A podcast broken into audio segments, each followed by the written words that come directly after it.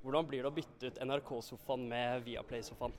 Jeg må jo si at jeg er veldig imponert over studio. Eh, Det ser veldig proft ut. Jeg tror vi har veldig mye flinke folk med oss. Det er klart det er tøft å hoppe etter NRK, ingen tvil om det. Men eh, jeg tror over tid at vi skal klare å få med oss seerne over til eh, Viaplay Vinter. Så vi skal i hvert fall gjøre vårt for å presentere idretten og gjøre en god jobb for, for alle de vintersportene vi har i landet. Og det er en viktig jobb, fordi gjennom vinteren er det mørkt i dette landet. og Folk må få lov å kose seg i sofaen sin med kakaoen og se på de, de flotte norske vinteridrettsutøverne som vi har. Så over tid så tror jeg vi skal klare å få med oss seerne.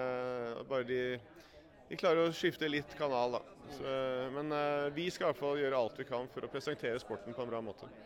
For uten tvil så har jo Viaplay virkelig gått for noen stjernesigneringer. Du bl.a. med Niklas som vi så, og Moan og hele hurven. Eh, Det er ikke fagkompetansen det står på.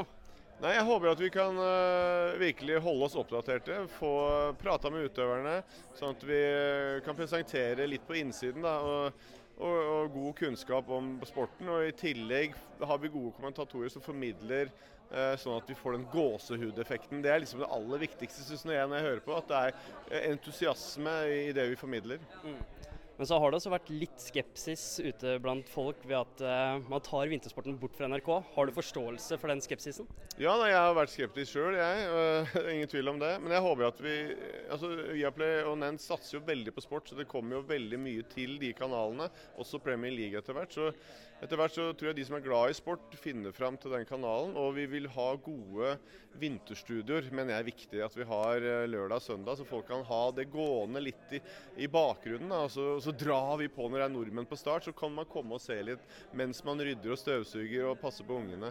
Så det er også målet her eh, hos Viaplay, at vi skal få til gode vinterstudioer som folk kan kose seg med gjennom vinteren. Takk for det, Kjetil André Aamodt. Og da ønsker vi lykke til med første sesong i Nent. Takk for det.